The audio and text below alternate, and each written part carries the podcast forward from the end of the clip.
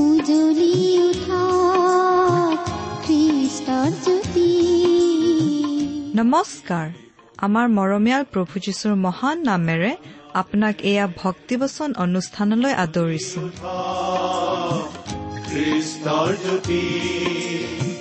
আকাশ বতাহ মুখৰিত কৰি গাঁও হাৱে মিলি গীতি গাঁও সবে মিলি গীতি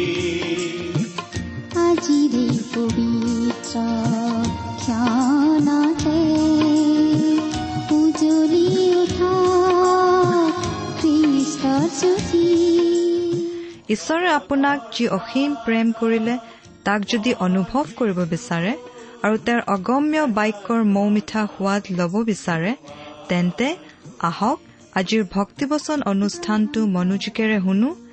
এয়া আপোনালৈ আগবঢ়াইছো ঈশ্বৰৰ জীৱন্ত বাক্যৰ অনুষ্ঠান ভক্তিবচন। আমাৰ মহান ত্ৰাণকৰ্তা প্ৰভু যীশুখ্ৰীষ্টৰ নামত নমস্কাৰ প্ৰিয় শ্ৰোতা।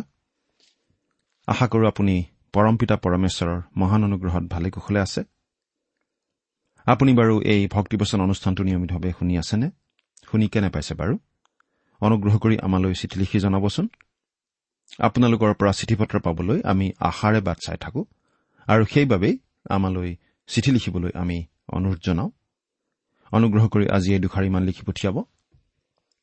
আমাৰ ঠিকনা ভক্তিবচন টি ডব্লিউ আৰ ইণ্ডিয়া ডাক বাকচ নম্বৰ সাত শূন্য গুৱাহাটী সাত আঠ এক শূন্য শূন্য এক।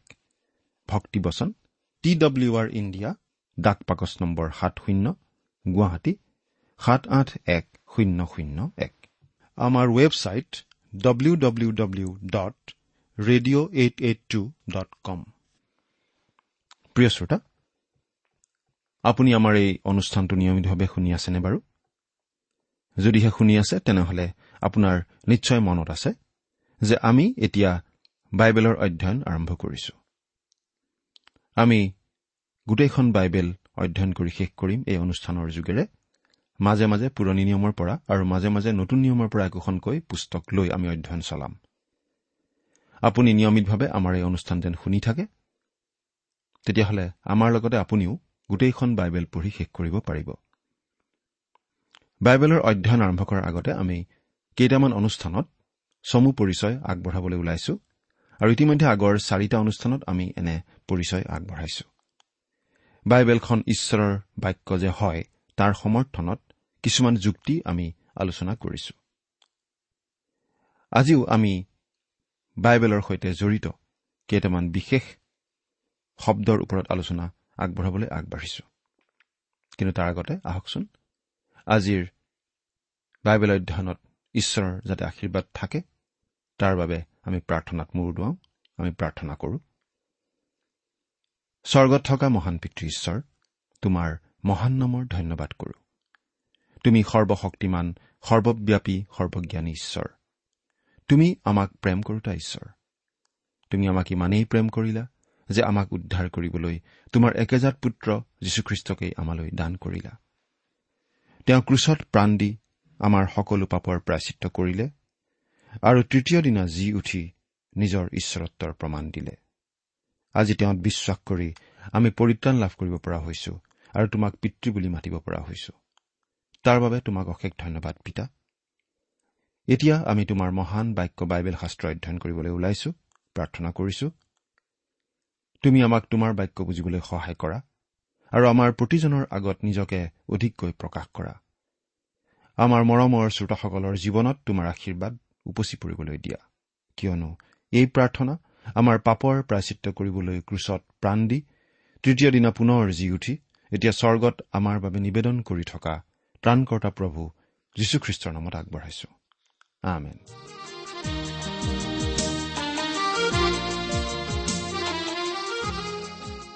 প্ৰিয় শ্ৰোতা আমি এতিয়া বাইবেলৰ বিষয়ে চমু পৰিচয় আগবঢ়াই আছো আৰু যোৱা অনুষ্ঠানত আমি বাইবেলৰ সৈতে জড়িত কেইটামান শব্দৰ কথা উল্লেখ কৰিছিলো। ৰিভিলেশ্যন অৰ্থাৎ প্ৰকাশ ইনস্পিৰেশ্যন অৰ্থাৎ অনুপ্ৰেৰণা ইল্লুমিনেশ্যন অৰ্থাৎ আত্মাৰ উদ্দীপ্তি আৰু ইণ্টাৰপ্ৰিটেশ্যন অৰ্থাৎ ব্যাখ্যা। যোৱা অনুষ্ঠানত আমি কৈছিলো যে ঈশ্বৰে মানুহক বিভিন্ন ধৰণে কথা কিছুমান জনাই দিছে। ঈশ্বৰৰ প্ৰকাশ। পুৰণি নিয়মত ভাৱবাদীসকলৰ যোগেদি আৰু নতুন নিয়মত যীশুখ্ৰীষ্টৰ যোগেদি ঈশ্বৰে নিজক প্ৰকাশ কৰিছে।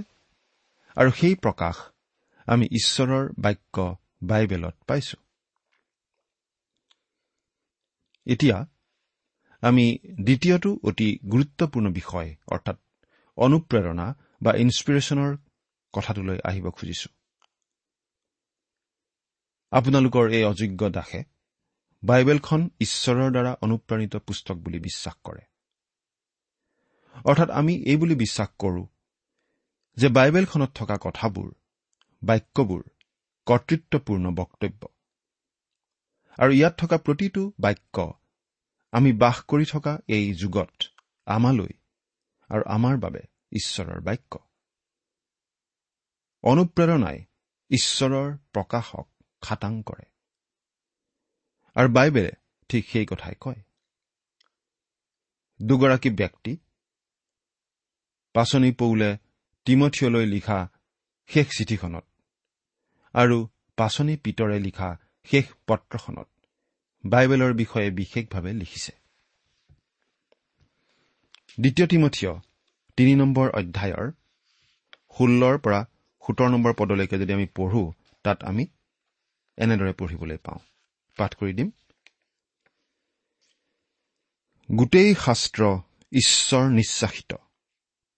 আৰু যাতে ঈশ্বৰৰ মানুহ সিদ্ধ আৰু সকলো সৎকৰ্মৰ নিমিত্তে সুসজ্জিত হ'ব পাৰে তাৰ কাৰণে শিক্ষাৰ অনুযোগৰ পতীত উত্থাপনৰ আৰু ধাৰ্মিকতা সম্বন্ধীয় শাসনৰ অৰ্থে লাভজনক।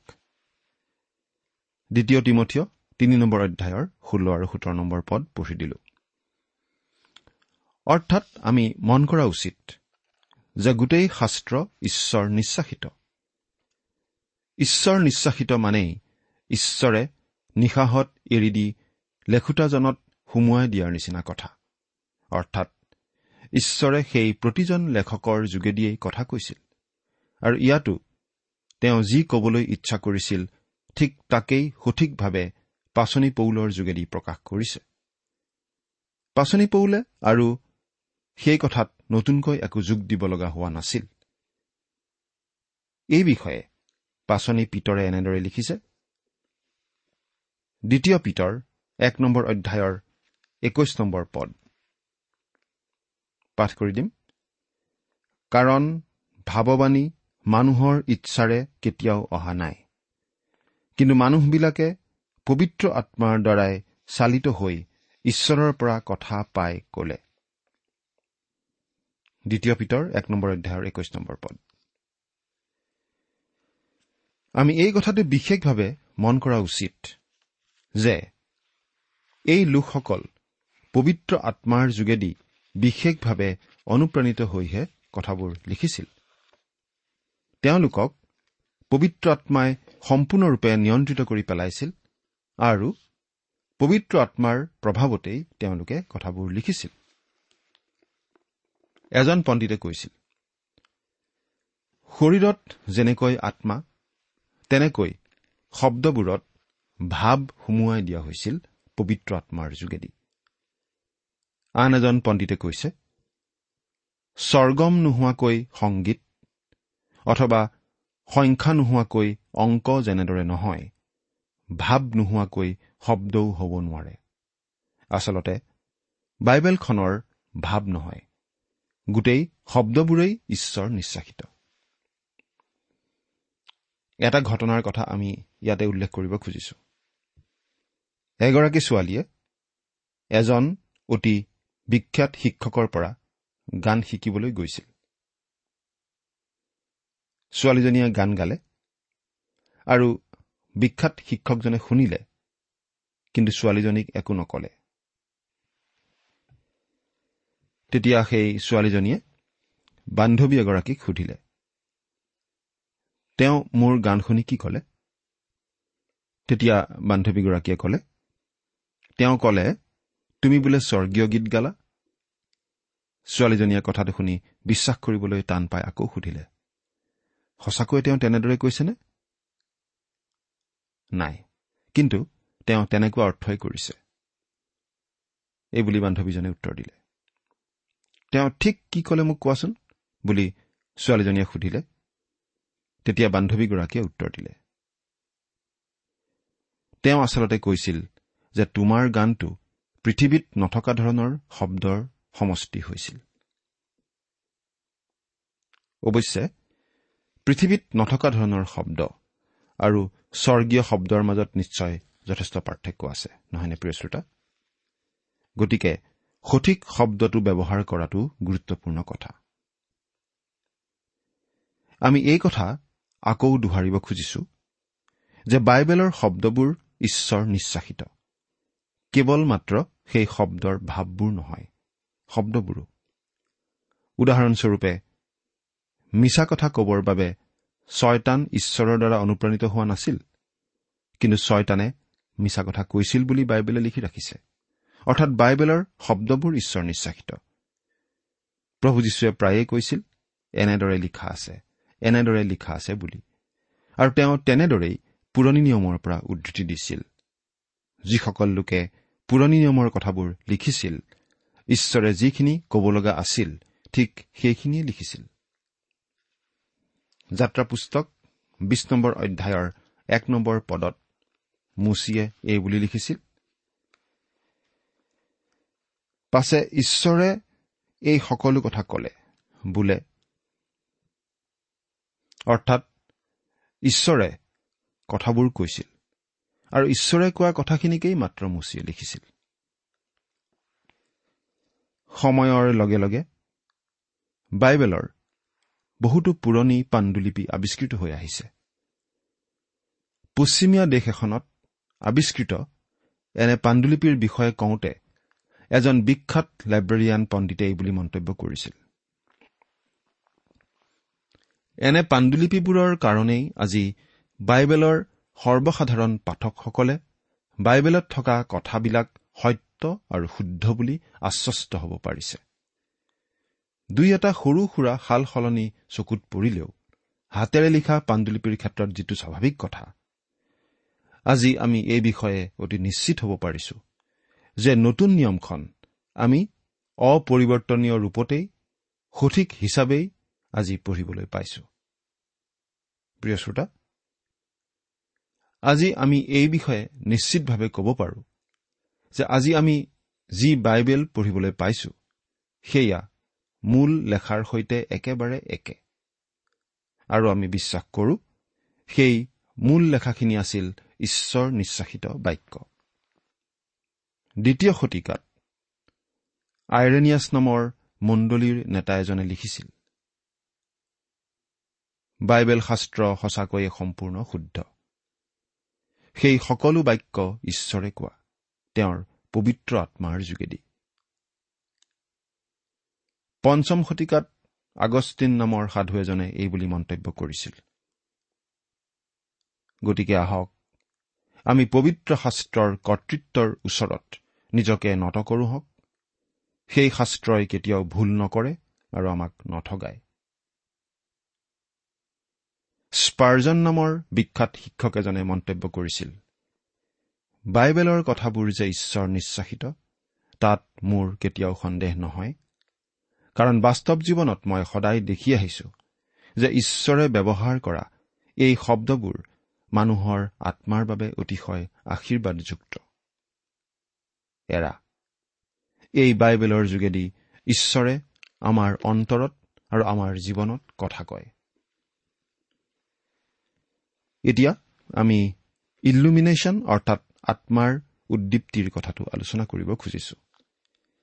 যিহেতু বাইবেলখন ঈশ্বৰৰ পৰা অহা পুস্তক কিন্তু মানুহৰ যোগেদি লিখা পুস্তক আৰু লেখকসকলে নিজৰ ভাৱ চিন্তা ব্যৱহাৰ কৰি লিখিলেও ঈশ্বৰৰ বাক্যই লিপিবদ্ধ কৰিছিল গতিকে একমাত্ৰ ঈশ্বৰৰ আত্মাইহে আমাক বাইবেলৰ কথাবোৰ শিকাই বুজাই দিব পাৰে। বাইবেলখন পঢ়ি আমি বাইবেলত কি কি আছে কোনে কাক কি কৈছিল কি ঘটিছিল ইত্যাদি কথাবোৰ নিজেই বুজি পাব পাৰোঁ। কিন্তু তাৰ মাজত থকা আত্মিক সত্যসমূহ বুজি পাবলৈ হলে ঈশ্বৰৰ আত্মাই আমাৰ মন আৰু হৃদয় মুকলি কৰিব লাগিব। কৰিণ্ঠত থকা খ্ৰীষ্টীয় বিশ্বাসীসকললৈ পাচনি পৌলে এনেদৰে লিখিছিল প্ৰথম কৰিন্ঠিয়া দুই নম্বৰ অধ্যায়ৰ সাতৰ পৰা ন নম্বৰ পদত আমি এইদৰে পাওঁ কিন্তু যি জ্ঞান ঈশ্বৰে যুগবোৰৰ পূৰ্বেই আমাৰ গৌৰৱৰ অৰ্থে নিৰূপণ কৰিলে আমি নিগৃঢ় তত্বৰ বাক্য কৈ ঈশ্বৰৰ সেই গুপ্ত জ্ঞানৰ কথা কওঁ। সেই জ্ঞানৰ কথা এই যুগৰ শাসনকৰ্তাসকলৰ কোনেও নাজানিলে কিয়নো জনা হলে তেওঁবিলাকে প্ৰতাপৰ প্ৰভুক ক্ৰুচত নিদিলেহেঁতেন। কিন্তু সেই গুপ্ত জ্ঞানৰ বিষয়ে এইদৰে লিখা আছে চকুৱে যি যি নেদেখিলে কাণে যি যি নুশুনিলে আৰু মানুহৰ হৃদয়তো যি যি নুসুমাল ঈশ্বৰে তেওঁক প্ৰেম কৰোতাবিলাকৰ নিমিত্তে যি সকলো যুগুত কৰিলে।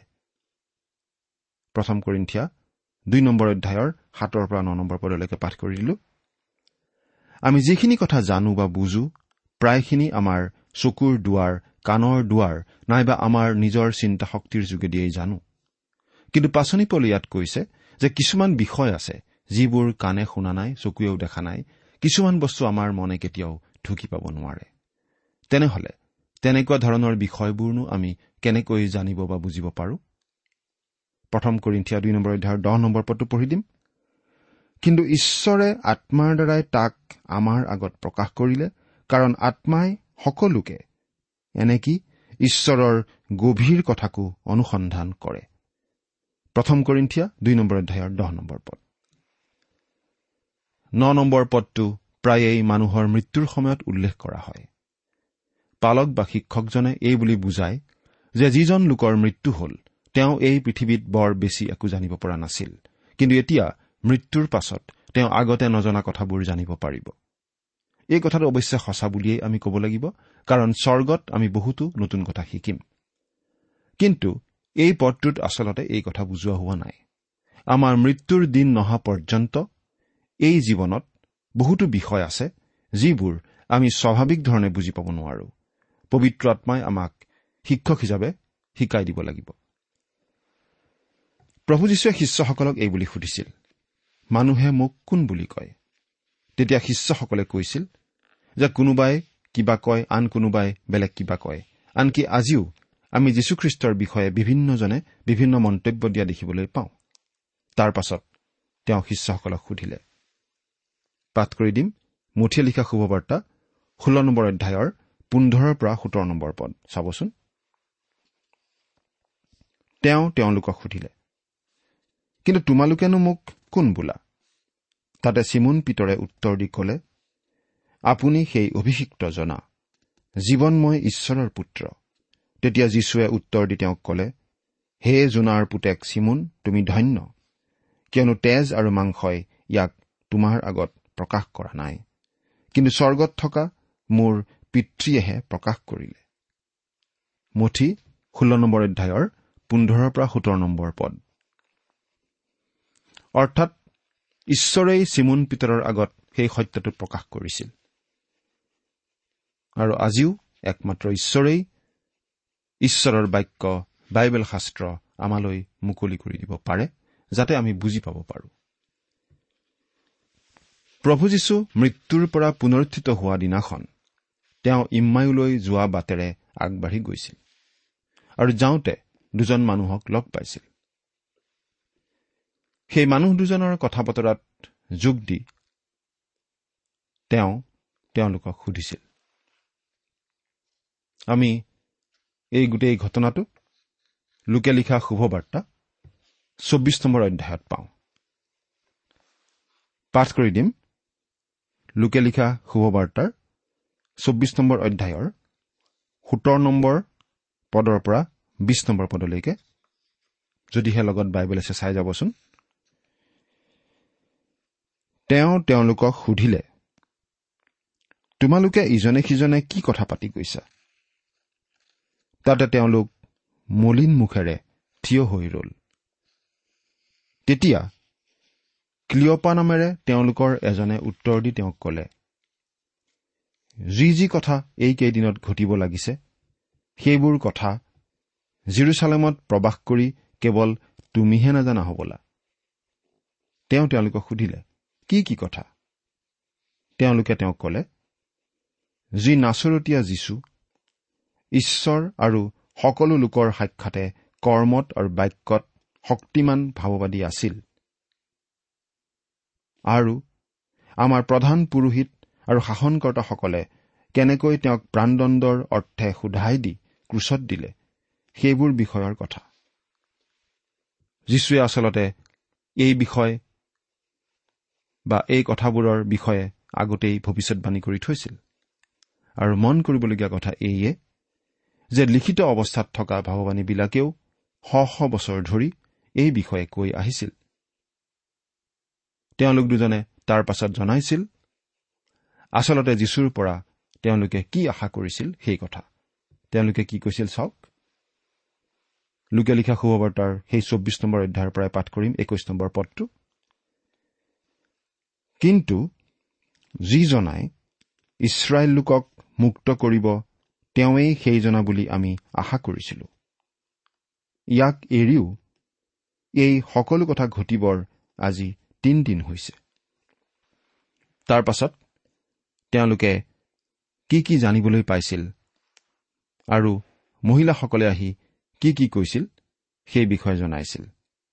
আমি তাৰ পাছৰ একৈশ নম্বৰ পদৰ পাছৰ পৰা একেবাৰে চৌবিছ নম্বৰ পদলৈকে পাঠ কৰি দিম। শুনিবচোন।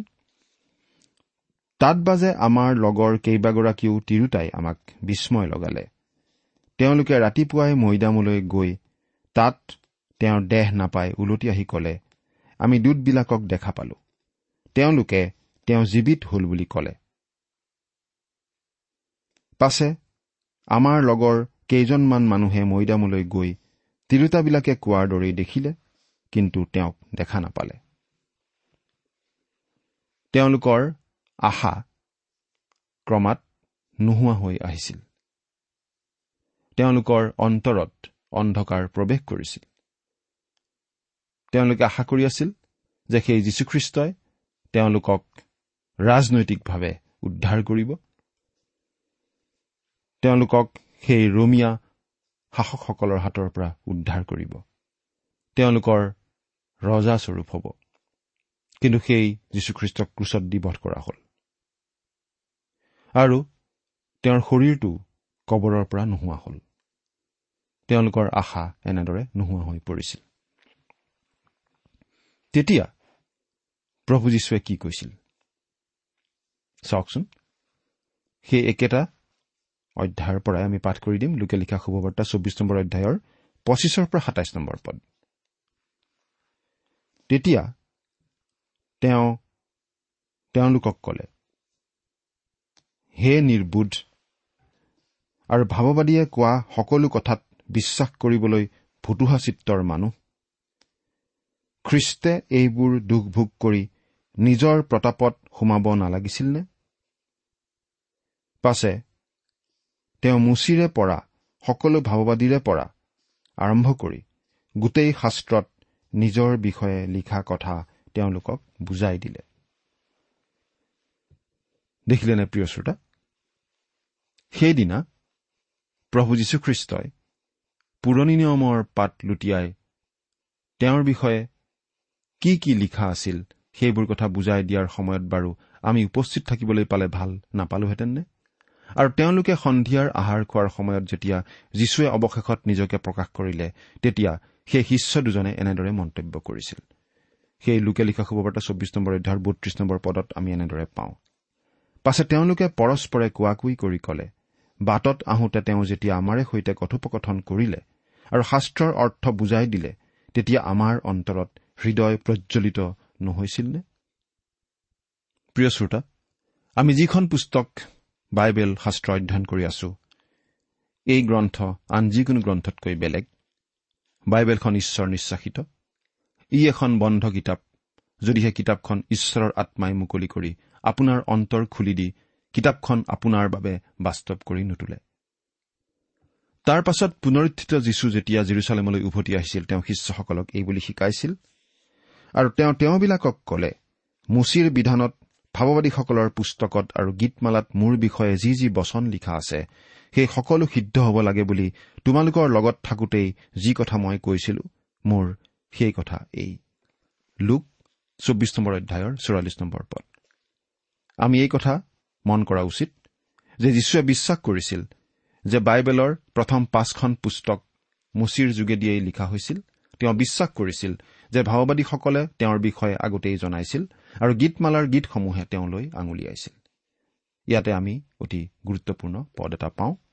পঞ্চল্লিছ নম্বৰ পদটো তেতিয়া শাস্ত্ৰ বুজিবলৈ তেওঁ তেওঁবিলাকৰ মন মুকলি কৰি দিলে। হয় প্ৰিয় শ্ৰোতা যদিহে তেওঁ আপোনাৰ চিন্তা বুদ্ধি মুকলি কৰি নিদিয়ে তেন্তে আপুনি বুজি পাব নোৱাৰে। গতিকে আপোনাৰ বা মোৰ বুদ্ধিমত্তা যিমানেই প্ৰখৰ নহওক কিয় আমি যিমানেই উচ্চ শিক্ষিত নহওঁ কিয় বাইবেল শাস্ত্ৰ পঢ়িবলৈ লওঁতে আমি অতি নম্ৰভাৱে আগবঢ়া উচিত। আপুনি বাৰু বাইবেল বুজিবলৈ ঈশ্বৰৰ পৰা সহায় বিচাৰিছেনে? চিন্তা কৰি চাওকচোন। ঈশ্বৰে আপোনাক আশীৰ্বাদ কৰক। ইমান পৰে আপুনি ভক্তিবচন অনুষ্ঠানটি শুনিলে। এই বিষয়ে আপোনাৰ মতামত জানিবলৈ পালে আমি নথৈ আনন্দিত হ'ম। আমি প্ৰস্তুত কৰা বাইবেল অধ্যয়নৰ আন চিডিসমূহ পাব বিচাৰিলেও আমালৈ লিখক। অনুষ্ঠানটি শুনি কেনে পালে আমালৈ চিঠি লিখি জনাবচোন। অনুষ্ঠানত প্ৰচাৰ কৰা কোনো কথা বুজিব লগা থাকিলেও আমালৈ লিখক। আমাৰ ঠিকনা? ভক্তিবচন ট্ৰান্স ৱৰ্ল্ড ৰেডিঅ' ইণ্ডিয়া ডাক বাকচ নম্বৰ সাত শূন্য গুৱাহাটী সাত আঠ এক শূন্য শূন্য এক।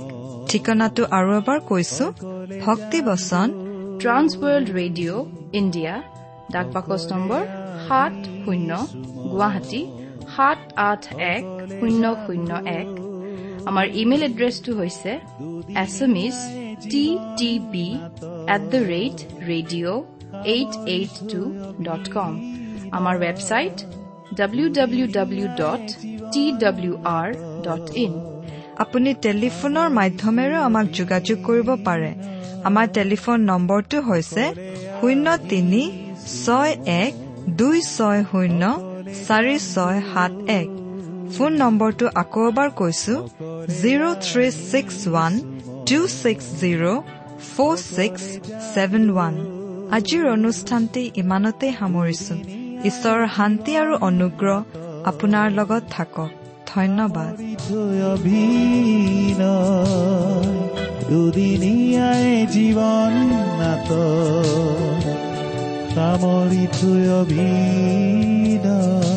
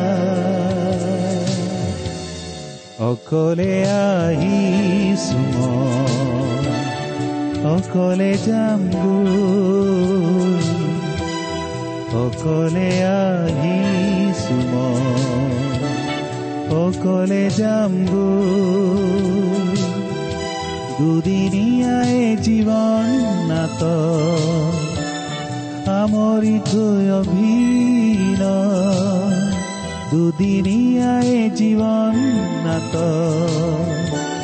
সামৰি